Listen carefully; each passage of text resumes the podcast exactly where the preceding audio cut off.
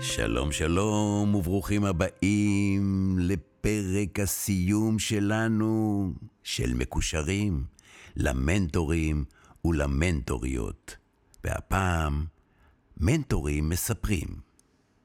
הפרק הזה נערך מאמירות של מנטורים ומנטוריות מהזווית האישית שלהם ומהתובנות הייחודיות שלהם. כיוון שאין חכם כבעל ניסיון, מצאנו לנכון להקדיש לדברים שלהם פרק שלם. אז אני מגדירה את עצמי סוג של אה, יועצת לענייני כל מיני, בכל מיני תחומים, זוגיות, כלכלה, שזה תיק כבד מאוד עבור המנטי שלי, ובכל התלבטות. אני מדובבת אותה אם צריך, אבל היא בדרך כלל מובילה את השיחה. התפקיד שלי הוא לעזור לה להתכנס וללכת נכון אל המטרות שלה.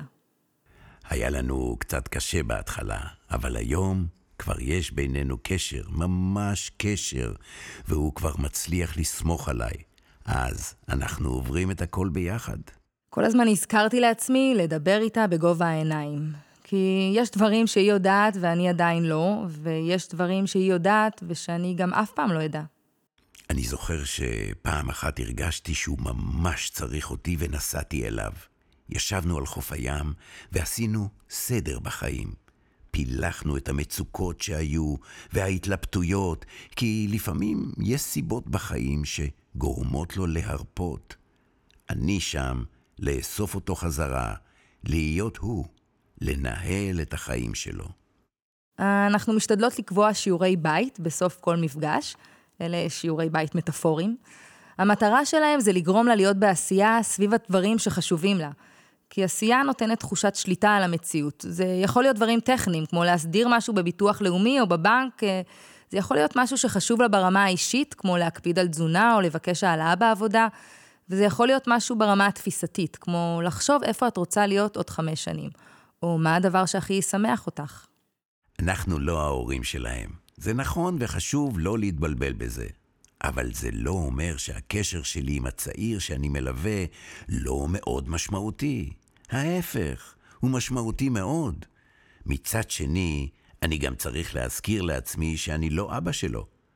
איך שאני מול הילדים שלי ומולו, זה משהו אחר. התפקיד שלי הוא אחר, ולקח לי זמן להתמקם בו.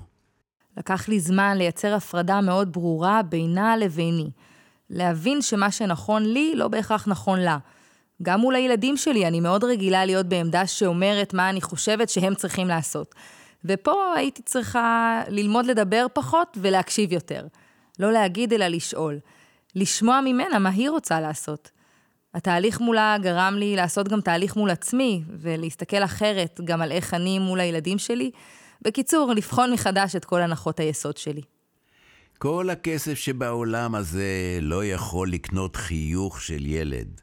לכן אני מודה למי שנתן לי את ההזדמנות להיות שותף בלגרום לחיוך הזה.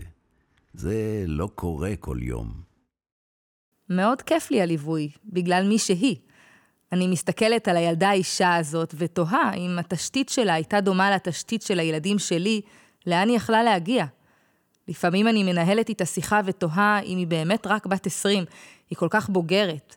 זה גורם לי לבטוח בה שהיא תגיע רחוק. למרות החסכים הכלכליים והאתגרים הנוספים בחיים שלה, היא תגיע רחוק, אני בטוחה. אני זוכר שכשהבנו שהתוכנית מתקרבת לסיומה ואנחנו אמורים תכף להיפרד, זה היה חתיכת שוק.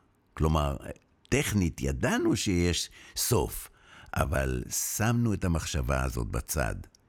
התחלנו לדבר על זה, וזה פתאום נהיה מוחשי יותר, וזה עצוב. אבל אני הרגשתי שאני מכין אותו לפרידה, וגם את עצמי בעצם. היה לי חשוב שהוא ידע שאני לא נעלם, שיש לפרידה הזאת משמעות. זה לא היה קל לי בכלל, אבל אני מודה שבדיעבד זה עזר לנו להתרכז ביעדים שהוא הציב לעצמו. כי פתאום לא רק ידענו שהזמן מוגבל, גם ממש הרגשנו את זה.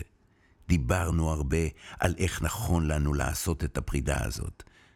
זה נשמע מצחיק, אבל בעצם התאמנו על להיפרד. אני חושב שזאת הייתה פעם ראשונה שהוא תכנן פרידה, ומהמקום הזה זה נתן לו הרבה כוח וביטחון. והנה, שרדנו את הפרידה. ונכון שאנחנו לא נפגשים כל שבוע כמו פעם, אבל אני יודע שהוא שם, ואין יום הולדת שלו או חג שאני לא מתקשר. וזה שאני יודע שהוא יודע שאני שם תמיד, זאת הצלחה בשבילי. זה ממלא אותי אושר שקשה לתאר. למה אני עושה את זה? כי זה עושה לי טוב, זה נעים לי, וזאת דוגמה אישית לילדים שלי. האמת, שאני מרגיש שמי שצריך להודות זה אני. למי שחשב עליי ובחר בי, והייתה לו אמונה שאני יכול לתת. למי שנתן לי את הזכות לממש את הצורך הזה, לתת. אז תודה לכם על הנתינה ועל ההקשבה, ותודה ענקית לך, דורי. תודה ענקית גם לך, הדס, ותודה לכם. עד הפעם הבאה, שיהיה לכם יום טוב ו mentoring משמעותי משהו.